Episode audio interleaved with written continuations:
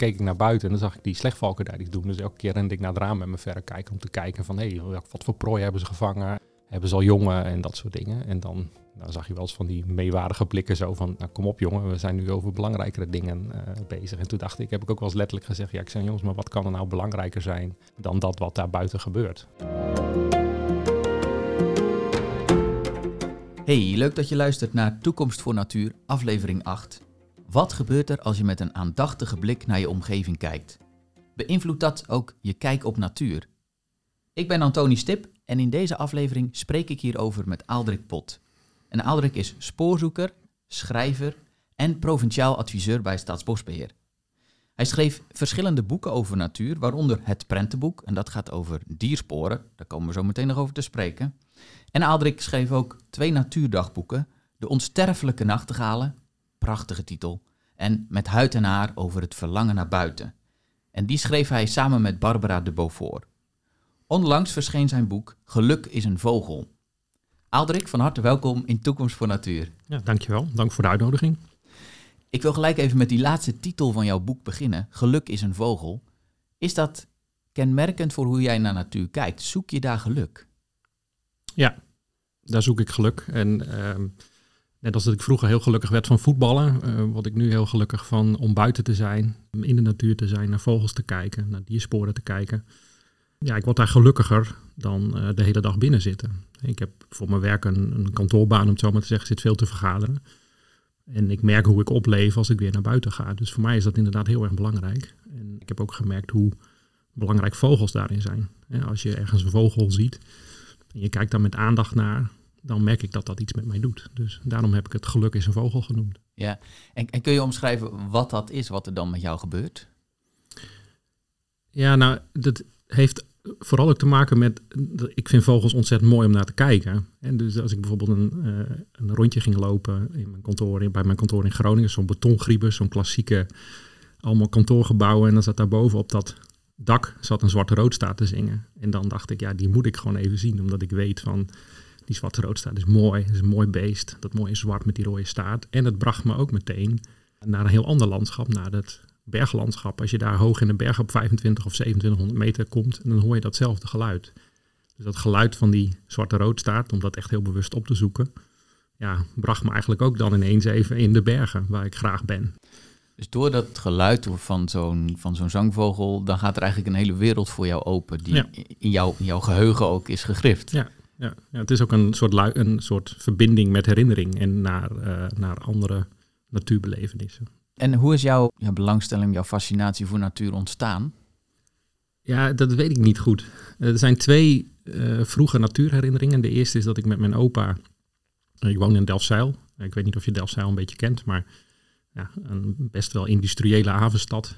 Een nieuwe stad uh, waarin ja, het grootste deel van, van de oude karakter uh, toch verdwenen is. Ik woonde daar in een buitenwijk. En dan ging ik met mijn opa naar Oterdum. En Oterdum, dat was een vroeger een klein dorpje wat helemaal verdwenen is voor de uitbreiding van die industrie. Maar dat was opgespoten en ja, ze hadden dat op dat moment blijkbaar nog niet nodig. En daar liepen reeën. En mijn opa, die was ook een buitenman, was molenaar van, van oorsprong. En die vond het dan leuk om daar met zijn open kadetje heen te crossen. En dan ging ik mee. En dan gingen we naar reeën kijken. En dat, dat vond ik blijkbaar heel erg leuk. En een andere natuurherinnering, dat is heel dicht bij huis in de foyer van mijn buurman. Zaten allemaal hele kleurrijke vogels. En goudamadines en uh, wevers en uh, nou, weet ik veel wat allemaal, kanarie, zebravinken. En die kleuren vond ik zo ontzettend fascinerend uh, dat ik dacht van, nou ja, dat dat kan, dat dat bestaat. En toen op een gegeven moment was ik een jaar of twaalf, ging met mijn ouders naar een vakantie of een ja, recreatiepark ergens in Drenthe en er zat een goudvink buiten in een struik. Toen dacht ik, nou, dat is een ontsnapte foyervogel, wist ik veel. Ja. en toen ging ik dat later opzoeken in een bibliotheekboek. En toen zag ik dat een wilde vogel was. En toen dacht ik, wauw, dat je dat kan zien in, gewoon in Nederland, buiten, buiten zo'n verrière. Dus ik vroeg ook nog aan mijn buurman van, nou, weet jij wat dat geweest kan zijn? En die zei, van het gezeur af te zijn, denk ik, nou, als een betonvretertje. En die had zoiets van, wat moet ik met, met dat soort vragen? maar dat was voor mij wel de aanleiding dat ik dacht, nou, ik word vogelaar. Als je zoveel soorten, zo, zulke mooie vogels dicht bij huis kan zien, dat, uh, nou, dat, daar wil ik meer van. Ja, maar het zit er dus wel duidelijk vanaf jongs af aan in bij jou. Ja, ja en dan ja, ik ben er niet echt groot geworden, om het zo maar te zeggen. Maar ja, wel steeds een stapje verder binnen de in die havengebieden ook naar vogels gaan kijken. En zo is het eigenlijk een beetje begonnen. En, en heb je ook favoriete natuur? Kun je ons daar dus naar meenemen? Ja, dat, dat is veranderd. In, in het begin nou, zeg maar toen ik een jaar of twintig was, toen zocht ik veel van die grootste natuur op die nog een beetje heel is, om het zo maar te zeggen. En waar ecosystemen nog functioneren en waar grote roofdieren voorkwamen. Naar Polen, de Zwitserse bergen, uh, vaak ook naar de kust. En in 2017 werd ik, uh, werd ik ernstig ziek. En toen kwam ik erachter hoe belangrijk ook de natuur dicht bij huis voor je is of voor mij was. En kom maar, eerst maar 100 of 200 meter lopen voordat ik weer moest rusten. Dan ging ik ergens in het bos uh, bij mijn huis zitten. Ik woon echt gelukkig dicht bij het bos. Ja, en toen zag ik ook van, oh wauw, wat is hier allemaal te beleven? Wat, komt wat zit hier eigenlijk allemaal om je heen? En ja, ook gemerkt dat die natuur uh, dicht bij huis steeds en steeds belangrijker is geworden. Dus ik heb eigenlijk geen favoriete natuur meer. Omdat ik nu ineens overal die natuur zie. Net als als ik hier loop, als ik hier uit de auto stap, dan kijk ik meteen om me heen. Oh, waar ben ik en wat, wat zou ik hier kunnen zien? Ja, dus eigenlijk uh, kun je ook op veel meer plekken nu uh, geluk vinden. Ja, eigenlijk wel, ja. ja. Er zijn nog steeds wel plekken waarvan ik denk van, oh, dan slaat het zo op je, dat je denkt van, nou, hier is echt helemaal niks te beleven. En dan vind ik het toch weer fascinerend dat er dan toch nog weer iets zit wat een linkje heeft met die natuurlijke wereld. We kunnen het zo in beton gieten en toch is er, uh, toch is er altijd iets. Ja. Dat brengt mij op het onderwerp diersporen. Uh, daar ben jij uh, door gefascineerd geraakt. Kun jij ons meenemen hoe die fascinatie is ontstaan? Ja, dat was, was ook in Polen, uh, in, in het Białowieża. Daar gaan veel jonge natuurliefhebbers gaan daar naartoe, omdat je daar nou, soorten kon zien midden jaren negentig, spreek ik dan over, die we hier toen niet hadden. Denk aan kraanvogels, denk aan wolven, denk aan zeearenden. En um, nou, in dat bos zaten een uh, withalsvliegenvanger en uh, witrugspecht. Die wilde ik heel graag een keer zien. Maar de vogelgids was ziek die dag. Dus we kregen een linkse onderzoeker mee. En toen dacht ik, wauw, nou gaan we ook vandaag even een links zien. Ik heb dit verhaal al vaak verteld hoor, dus misschien is het een beetje een grijs gedraaide plaat. Maar die linkse onderzoeker die vroeg ik van, uh, gaan wij vandaag een links zien? En toen moest hij heel hard lachen. En toen dacht ik, ja shit, ik moet niet zomaar opgeven. Dus toen vroeg ik van, um, hoe vaak heb je zelf al links gezien? En toen sprak hij de woorden die ik nooit zal vergeten. Oh, a thousand times. But only twice in real. En toen, toen snapte, dat snapte ik eerst niet. En toen legde hij uit dat hij eigenlijk onderzoek deed in die tijd aan de hand van sporen. Ja, dat, dat triggerde mij. En toen vroeg ik hem na van of hij dat dan eens kon uitleggen of laten zien. En op een gegeven moment zei hij, nou kijk hier, wees hij op de bosbodem. Hier heeft een wolf gelopen. En edelherten, nou misschien was dit wel, uh, ja, zijn ze, zat die wolven achter die edelherten aan, nou kan ik niet gooien. Hier staat ook nog een das. En toen dacht ik, wauw, kan, je, kan je dit allemaal zien joh. We hebben die hele dag geen zoogdier gezien. Maar door die sporen um, kwamen we na afloop met een rijtje, want hij, nou, hij merkte dat wij de enthousiasten, we gingen er steeds meer over vertellen. Ja, dat je uit het bos komt met een heel rijtje aan waarnemingen van, uh, van, van leuke soorten die je eigenlijk niet echt gezien hebt, maar eigenlijk ook wel een beetje wel. Nou, en dat, daar is de magie van die sporen uh, begonnen. En later ben ik een keer met, uh, en ik wil dat toch even noemen, de, de, met excursie met Annemarie van Diepenbeek be mee bezig geweest. En de schrijver van de veelgeprezen dierspoorgids in Nederland. Ja, en die liet me gewoon ook in de praktijk weer allerlei dingen zien dat ik dacht, nou, hier moet ik mee verder. Dit is ook zo'n krachtig middel om uh, mensen mee naar buiten te nemen en te laten zien wat er eigenlijk allemaal is, wat je in eerste instantie niet ziet. Daar, daar moet ik iets mee. Nou, dat, daar is eigenlijk die fascinatie begonnen. Ja, en nou kan ik me voorstellen dat uh, mensen die naar deze podcast luisteren denken, goh, dat is toch wel best wel ingewikkeld. Hoe kan je nou zien dat dat een edelhert is en dat een wolf? Uh, hoe, hoe, moet ik dat leren? Kun jij, kun je de luisteraars eens uh, nou, misschien ook tips geven van waar moet je nou beginnen als je naar die sporen gaat kijken? Ja, wat het belangrijkste is, denk ik, is dat je als je in een landschap komt, kijkt naar dat wat afwijkt. En dus je, je hebt een, je, je blik valt op iets en op een gegeven moment valt je blik op iets wat afwijkt. Weet je, er ligt, je hebt een pad voor je uitlopen en daar ligt ineens een zwart hoopje. Nou, 10 tegen 1 dat dat een, eh, een uitwerpsel van een beest is. Of je ziet een strak, uh, strak pad wat helemaal, uh, zeg je dat, schoon is. En daar zie je op een gegeven moment pootafdrukken in staan. Of je komt in je tuin en dan zie je een uitwerpseltje liggen. Misschien van een egel of wat dan ook. Dus je moet eigenlijk steeds scannen van naar dat wat afwijkt. En als je dat een beetje oefent, dan, ja, het kan ook heel vermoeiend zijn, maar op een gegeven moment wordt dat een soort gewoonte. En je moet ook wat vertragen, je moet wat langzamer lopen. Uh, heel vaak als ik een excursie geef, dan loop ik de eerste 300 meter gewoon in een redelijk tempo of gewoon in normaal wandeltempo loop ik het bos in. En dan ook allemaal gekwek achter me van mensen die nog boodschappen moeten doen of de kinderen moeten naar voetbal. En aan de 300 meter vraag ik van nou, en hoeveel sporen hebben jullie nu gezien?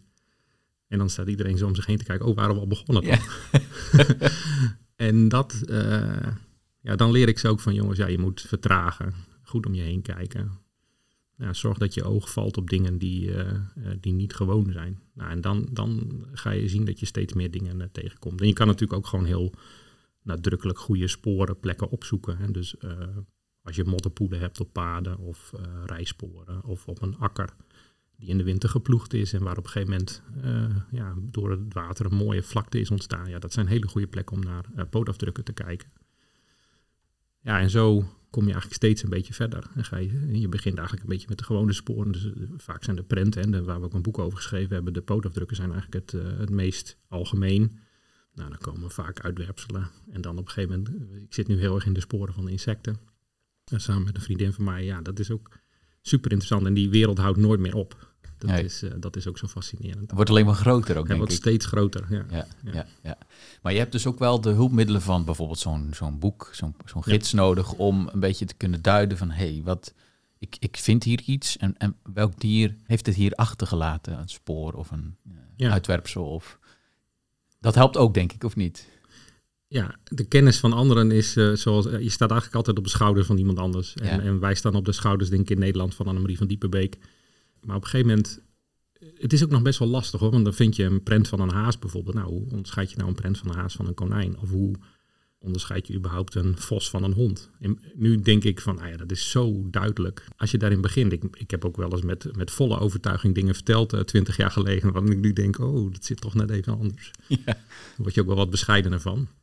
En het grappige is, in het begin heb je ook heel erg zoiets van, nou, zo zit het en het is altijd zo. En ja, hoe vaker je, er, hoe langer je ermee bezig bent, hoe meer je erachter komt dat, dat er heel veel variatie in zit en dat je dat eigenlijk ook gewoon niet kan zeggen. En dus uh, ja, uh, het meest wat ik vaak hoor is van ja, dit kan geen otter zijn, want die komen hier niet voor. Dan denk ik, ja, maar de prent staat er toch, joh. Dat, ja. dat zie je. Ja, ja. ja ook, dat, uh, ook, ook op die manier verdiept het je ja, met, met blik op natuur. Dat je ook weer allerlei dingen ontdekt die je nog niet wist.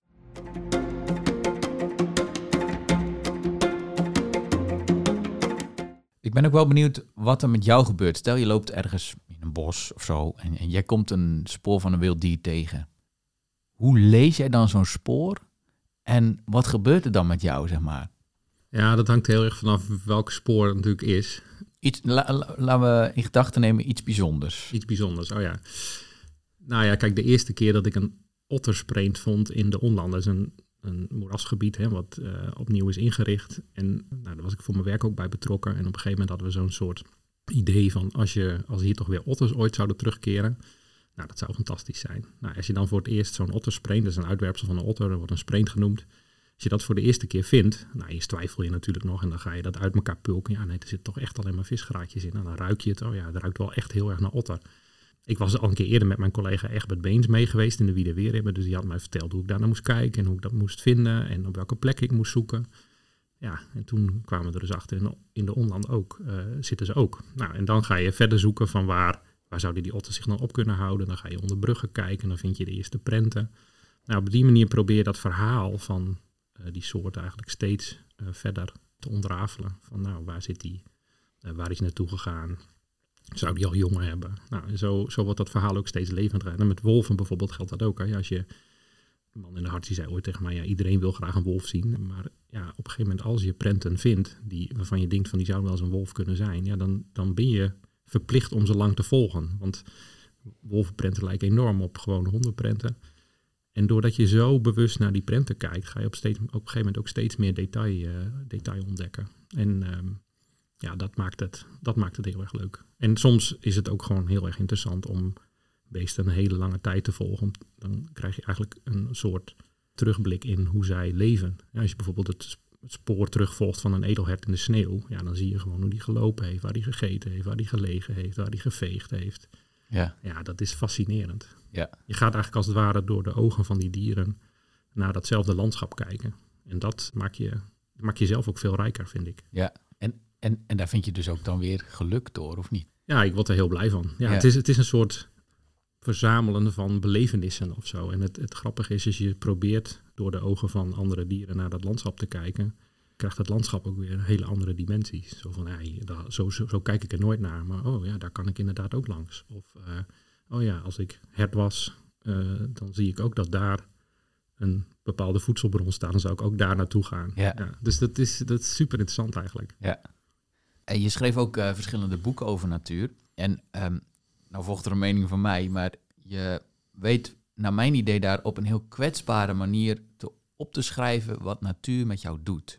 Ik vind dat persoonlijk heel erg knap. Maar ik vroeg mij ook af, wat drijft jou om dat op te schrijven?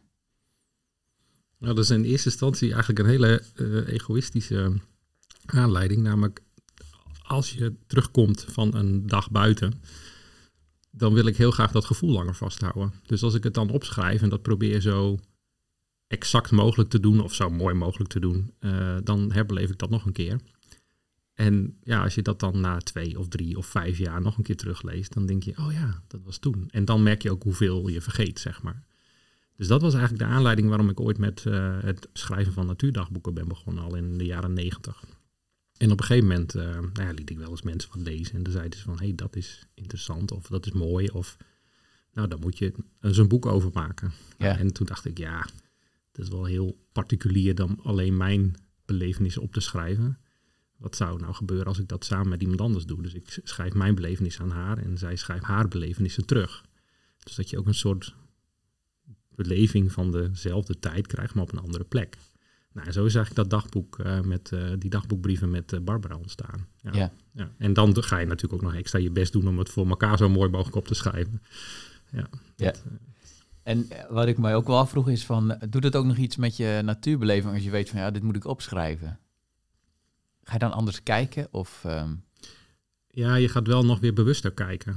Want op een gegeven moment, uh, nou ja, ik weet niet hoe jij dat hebt, maar als je de hele dag op, uh, op kantoor bezig bent en je hebt vergaderingen, dan gaat die natuur eigenlijk, gaat zo'n dag voorbij zonder natuur, om het zo Ja. maar te zeggen. Maar ik dacht, ja, ik kan niet uh, steeds maar in mijn dagboek schrijven van, nou, weer een dag vergaderd en weer een dag binnen en zie gisteren. Ja. Dus toen dacht ik, ja, ik moet nu toch maar even een half uurtje naar buiten. Dus ging ik lunchwandelingetjes maken in, in de stadspark. Of ging ik na afloop van mijn werk nog even fietsen. Ja, ook gewoon om die natuur echt op te zoeken. En toen merkte ik ook van, wow, dat, dat doet ook weer uh, iets met je. En dus, of ik ging naar mijn werk fietsen vanuit Norg, dus 24 kilometer. Nou, dat, dan krijg je, begint de dag zo anders als dat je in de auto uh, of met openbaar vervoer uh, naar je werk achter je broodje gaat zitten, de hele dag werk doet. In plaats van als je nou ja, gewoon eerst buiten bent geweest dan, en daar dan ook nog iets over op kan schrijven. Ja, dat, dat, dat verandert je dag. Ja. Tenminste, ja. voor mij. Ja. ja. En hoe, hoe hebben jouw collega's dat beleefd? Dat jij dat uh, toch elke keer weer deed? Nou ja, ik ben denk ik ook wel een beetje een vreemde eend in de bijt. Nou, een mooie anekdote is de, op die, uh, in dat kantoor in Groningen, daar kijk jij op het gasuniegebouw. En aan dat gasuniegebouw hangt een slechtvalkenkast. Dus om de afklappen, wij zaten te vergaderen in de verkeerde, tenminste voor mij goede, maar uh, voor anderen misschien verkeerde uh, vergaderlocatie. Dan keek ik naar buiten en dan zag ik die slechtvalken daar iets doen. Dus elke keer rende ik naar het raam met mijn verrekijker om te kijken van hé, hey, wat voor prooi hebben ze gevangen en uh, hebben ze al jongen en dat soort dingen. En dan, dan zag je wel eens van die meewaardige blikken zo van nou, kom op jongen, we zijn nu over belangrijkere dingen bezig. En toen dacht ik, heb ik ook wel eens letterlijk gezegd, ja ik zei jongens, maar wat kan er nou belangrijker zijn dan dat wat daar buiten gebeurt? Daar ja. doen wij het toch voor. Ja. En ik snap heus wel dat dat niet altijd zo is, dat, er, uh, dat je ook binnen dingen voor buiten moet doen. Maar ik, dat, dat heeft wel eens voor uh, grappige conversaties geleid. Ja. ja. En wat, wat ik me dan ook nog wel afvraag is, uh, uh, ik ben wel benieuwd hoe jij er tegenaan kijkt. Van mensen van, van buiten natuurorganisaties hebben vaak een heel uh, romantisch beeld van als je bij een, een natuurorganisatie werkt. Van joh, je bent zeker altijd buiten en zo. Maar soms denk ik wel eens van, het zou misschien best wel eens goed zijn voor heel veel mensen die bij een natuurorganisatie werken, dat ze inderdaad vaker buiten komen. Ja, absoluut. Dat deel jij wel. Ja, dat deel ik zeker. Ja, ja. Ik denk zelf ook wel eens van, goh jongens, ga verplicht eens gewoon voordat je een kantoorbaan gaat doen, of een bureaubaan, ja, dat klinkt allemaal zo denigrerend, dat bedoel ik echt niet zo. Maar ga gewoon een, draai een half jaar mee in zo'n beheereenheid. Ja. Kijk wat daar uh, speelt. En ga ook gewoon eens onderzoek doen naar een bepaalde soort. Ook al is het maar een super simpel beest, ook al is het maar de roodborst in je tuin, maar verdiep je daar gewoon eens in. Puur en om alleen een breder perspectief te krijgen op dat waar je uiteindelijk binnen mee bezig bent. En dat, uh, ja, ik denk dat dat best goed zou zijn. Dat we dat in zouden moeten voeren. Dan krijg, krijg je gewoon een andere, ja, andere, ander beeld op je werk uiteindelijk, denk ik. Ja, dus nog wel een uitdaging voor de directie van Staatsbosbeheer en, uh, ja. en andere natuurorganisaties. Nou, hopelijk wordt er geluisterd en uh, pikken mensen het op. Je gaf in de, in de voorbereiding van deze aflevering gaf je ook aan dat je veel herkent in het werk van de Noorse filosoof en schrijver Arne Næs. Zeg ik dat goed trouwens? Ja, dat weet ik eigenlijk niet hoe je het uitspreekt, maar ik begrijp wie je bedoelt. Ja, ja oké. De rode draad door zijn werk is een, uh, een heel diepe verbondenheid van hemzelf, van de mens, met uh, de natuur. En hij heeft ook de, ja, de, de diepe ecologie, de uh, deep ecology, uh, daar is hij de grondlegger van. En die legt vooral de nadruk op de, de, de intrinsieke waarde van alle, ja, alle levende organismen om ons heen, zeg maar. Kun jij ons uitleggen wat het werk van hem betekent voor jou? Ja, wat ik vooral dacht toen ik het voor het eerst las, uh, of in ieder geval iets van hem las, dacht ik: oké, er is al iemand die heeft opgeschreven hoe ik naar natuur kijk of hoe ik naar de natuur om me heen kijk. En ook hoe ik me daarin op wil stellen eigenlijk. Hij bepleit voor een nou ja, bepaalde terughoudendheid en een bepaalde, nou, hij noemt dat heel mooi, uh, sober in materialen, maar rijk in ideeën. En ik maak daar dan maar belevenissen van. Ja. En wat, ik, wat mij ook heel erg in, hem aans, in zijn werk aansprak, is dat hij het heeft over van ja, je moet, als je natuur wil behouden of beschermen, dan moet je er een, een diepere band mee krijgen. En hij noemt dat het moet een fysieke waarheid worden. En hij, ja, hij heeft er makkelijk praten, want hij is opgegroeid in de, in de Noorse bergen, om het zo maar te zeggen. Dus hij deed elke dag grootse natuurervaringen op, waarin hij ook het gevoel had van hé, hey, ik, uh, nou, dat doet iets met me. En ik wil er ook iets voor doen om dat te behouden. Dus misschien is het ook wel een, werd hij daar ook gelukkig van. En is dat de reden waarom hij dat, waarom hij dat deed. Maar het, het, waarom hij dat zo opschreef en dat hij ook echt um, zei van ja, je moet proberen mensen iets te laten doen omdat ze het zelf willen, niet omdat het moet.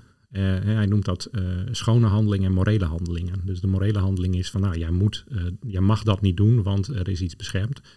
Terwijl hij gaat er heel erg vanuit van, ja, je, je wil het zo graag vanuit jezelf, dat, het, dat er, er helemaal geen regel hoeft te zijn die je dat oplegt. Nou, dat, dat vind ik een heel mooi uitgangspunt van, zijn, van zijn werk. En pas jij dat ook toe? Ja, dat probeer ik wel. wij ben samen met mijn vrouw een tijdje op mijn Plaat geweest uh, als vogelwachter. En daar hebben we ook wel echt geprobeerd om te ervaren hoe dat is van, nou, hoe sober kun je leven? En hoe is het om in die natuur te zijn uh, en alleen maar met vogels te maken te hebben?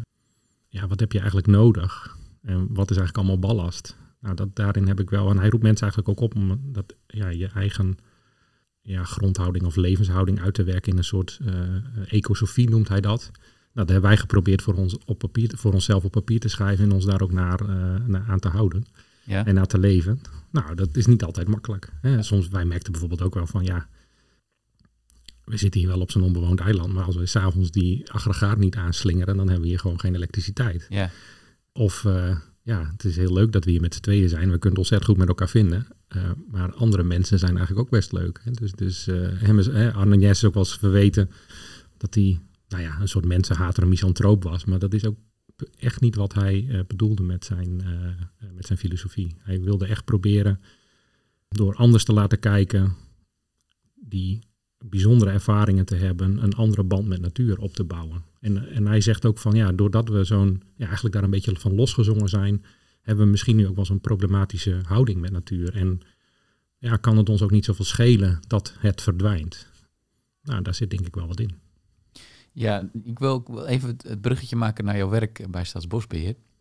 Want ik neem aan dat Staatsbosbeheer daar als natuurorganisatie wellicht ook wat mee kan of moet. Ja, nou dat is ook super interessant. Uh, maar, ik weet niet of je Matthijs Schouten kent. Hè? Dat is, ja. uh, ecoloog bij Staatsbosbeheer en uh, wordt ook wel eens de huisfilosoof genoemd. En die roept ons altijd heel erg op om onze grondhouding te bepalen. En wat is onze grondhouding naar natuur?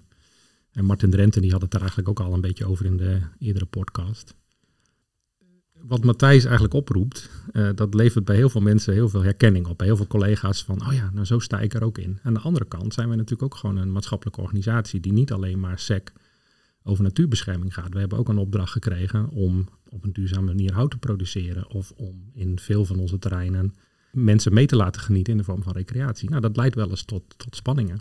Ja. Maar ik merk wel dat die ruimte om daar met elkaar over van gedachten te wisselen, dat die er wel zeker uh, wel degelijk is. En dat uh, nou ja, Matthijs daar bijvoorbeeld een, een, een goede aanjager uh, in is. En leidt het ook wel eens tot keuzes die anders uitvallen dan als die gesprekken niet gevoerd zouden zijn? Ja, dat denk ik wel. Ja, ik kan niet een heel concreet voorbeeld noemen, maar nou ja, houtoogst is natuurlijk altijd een, een lastig dilemma. Hè. We verbruiken met elkaar in Nederland, geloof 15, 17 miljoen kuub hout per jaar. En we produceren in Nederland maar 1 miljoen kuub. Dus de rest komt allemaal uit het buitenland, uit de Baltische Staten, uit Scandinavië. Kan je zeggen van nou dat is mooi, laten ze daar onze shit maar uh, oplossen. Maar je kan ook zeggen, ja, wij gaan dat met elkaar proberen op zo'n duurzaam mogelijke manier te doen. Als dat al kan, hè, of je al bos kan oogsten of hout kan oogsten op een, op een duurzame manier, wat is dat dan precies? Maar je merkt wel dat daar dus steeds weer gesprekken over zijn. Van hoe kunnen we dat verbeteren? Hoe kunnen we um, zorgen dat we dat met oog voor andere soorten doen? En ik denk echt dat die gesprekken die we daar intern over voeren, dat die daaraan bijdragen. Ja. ja. Als ik jouw boek uh, De Onsterfelijke Nachtegalen lees, schrijf je daar op een gegeven moment ook een keer een moment in een van die natuurdagboeken dat je ook met een dubbel gevoel naar bijvoorbeeld het houtoogst kijkt. Als je in een bos rondloopt van aan de ene kant ja, je, be, zeggen, je beheerdershart snapt de keuzes, maar je natuurhart bloedt ook een beetje, omdat je ja, ook, ook ziet wat er gebeurt buiten. Dat lijkt me een heel ingewikkelde positie ook, zeg maar. Hoe, hoe houd jij dat vol? Ja, ik vind het verschrikkelijk. Als ik in een bos loop wat net gekapt is, dat is een ravage. Ik word daar echt zo doodongelukkig van. Uh, omdat ik ook daar rondgelopen heb en gezien heb van hoe belangrijk dat is als leefgebied voor andere wezens.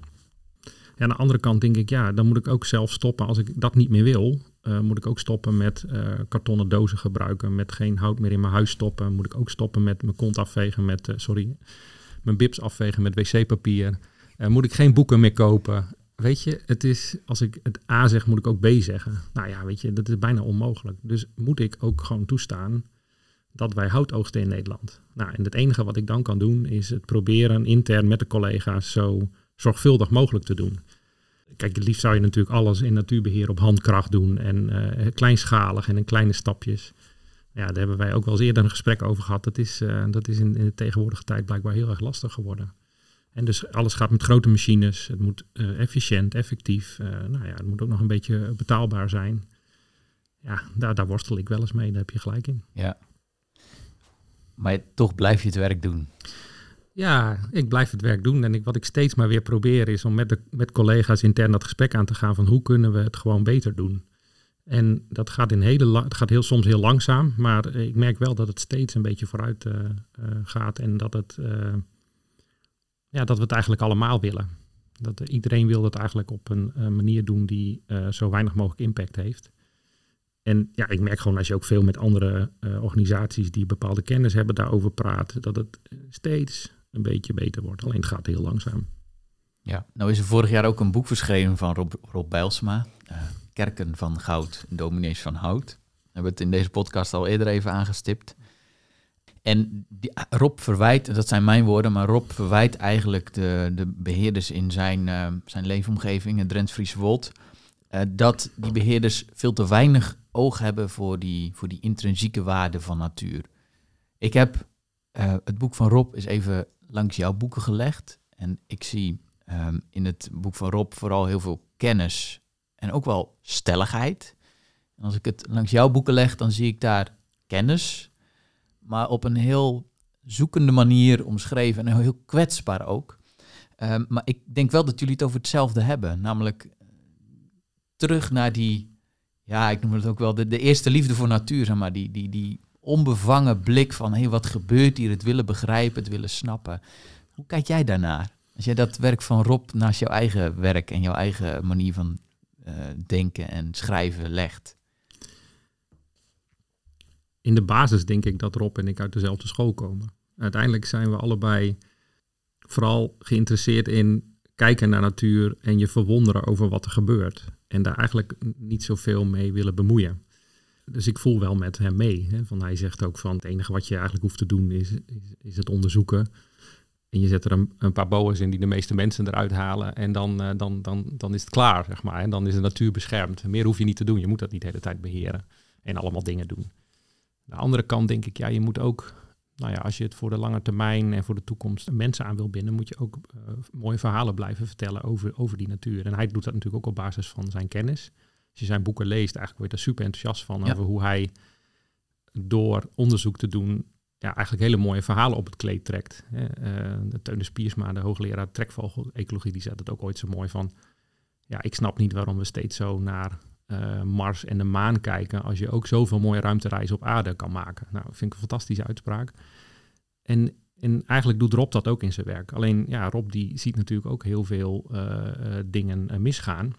En wat wij denk ik als terreinbeheerders nog niet genoeg doen, is om ook te laten zien van oké, dit hebben we gedaan, dit hadden we ervan verwacht en dit is het geworden. En ook gewoon toegeven op het moment dat het niet geworden is wat we hadden gedacht, dat we daar gewoon eerlijk over zijn. Ja, het allerbelangrijkste is dat we dat laten zien en dat we erop terugkomen. En daar ook gewoon geen praatjes over vertellen. En nou, ik denk als we dat nog beter leren doen, dat we uiteindelijk ook gewoon dichter bij ehm, nou ja, wat Rob in zijn boeken uh, schrijft uh, zullen komen.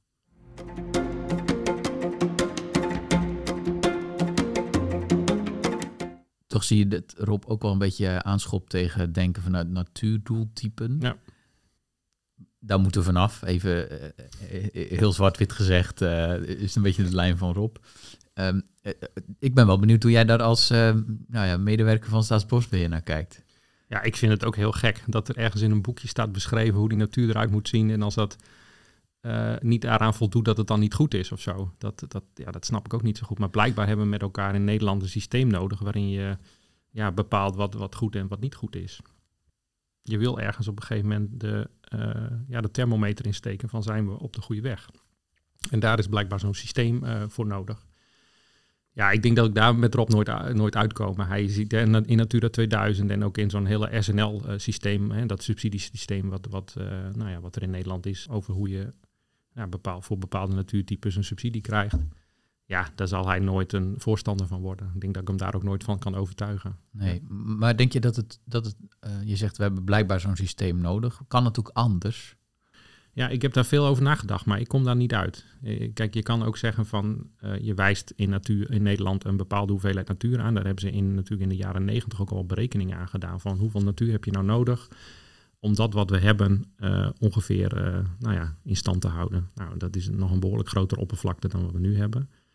Ja, als we dat met elkaar zouden kunnen afspreken, ja, dan heb je zo'n systeem misschien wel helemaal niet nodig. Dan moet je misschien nog steeds wel kijken dat een bepaalde natuur die ergens vandaan, of een bepaald landschap wat ergens vandaan komt en waar je eigenlijk wat verbeteringen aan zou willen brengen, hoe je dat dan moet doen.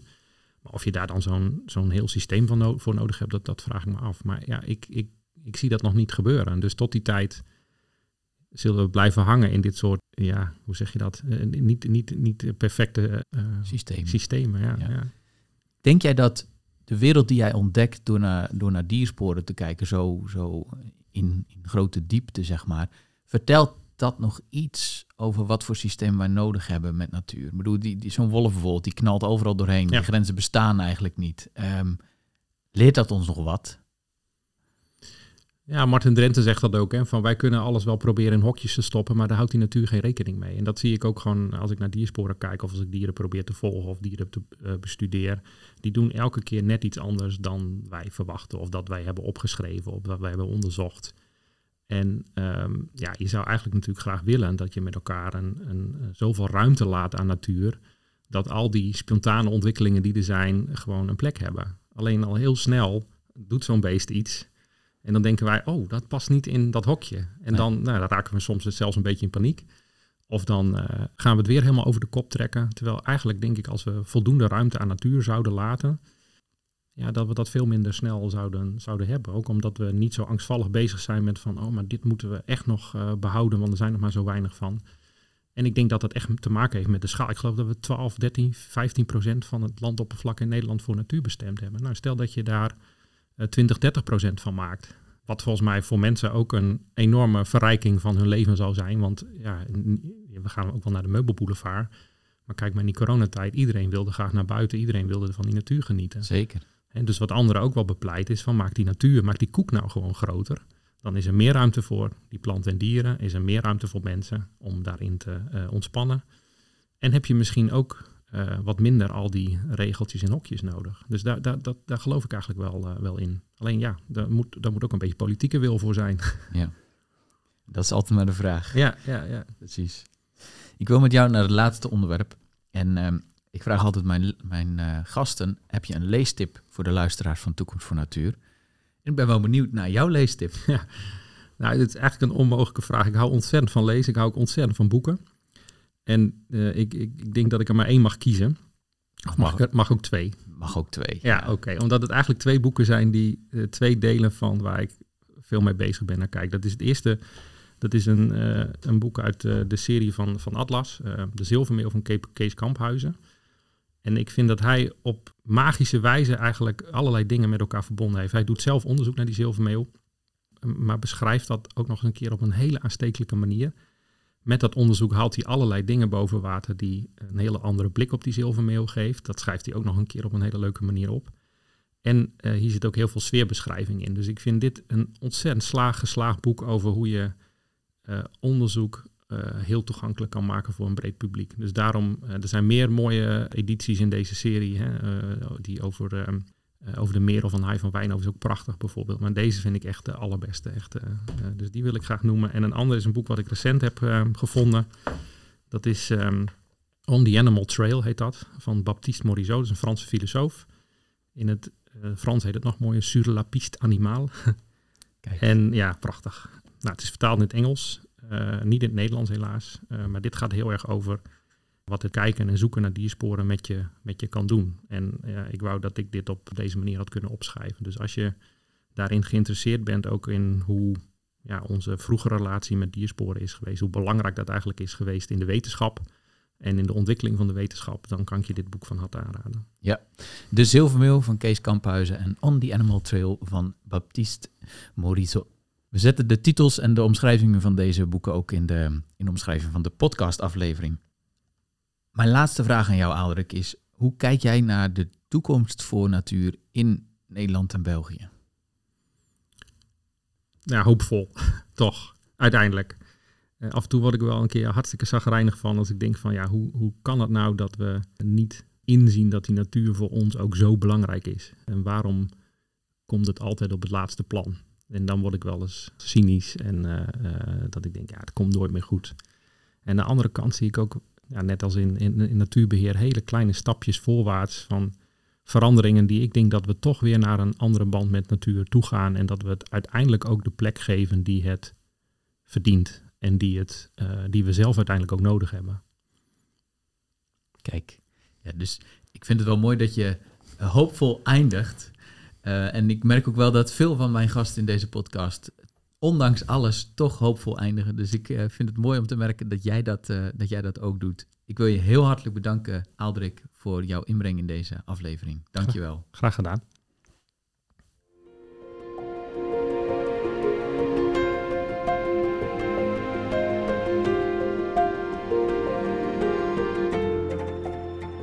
Zo, dit was aflevering 8 van Toekomst voor Natuur. De credits voor de montage gaan naar Laura Peters. En vind jij deze podcast de moeite waard? Abonneer je dan en geef ook even een waardering op deze podcast, zodat andere mensen hem goed kunnen vinden. De volgende aflevering van Toekomst voor Natuur gaat over natuurbescherming in Vlaanderen. En ik spreek hierover met Annelies Jacobs en zij is natuurbeschermer bij de natuurbeschermingsorganisatie Natuurpunt. En ik spreek ook met Annelies over haar jacht naar wilde planten in België. Tot de volgende.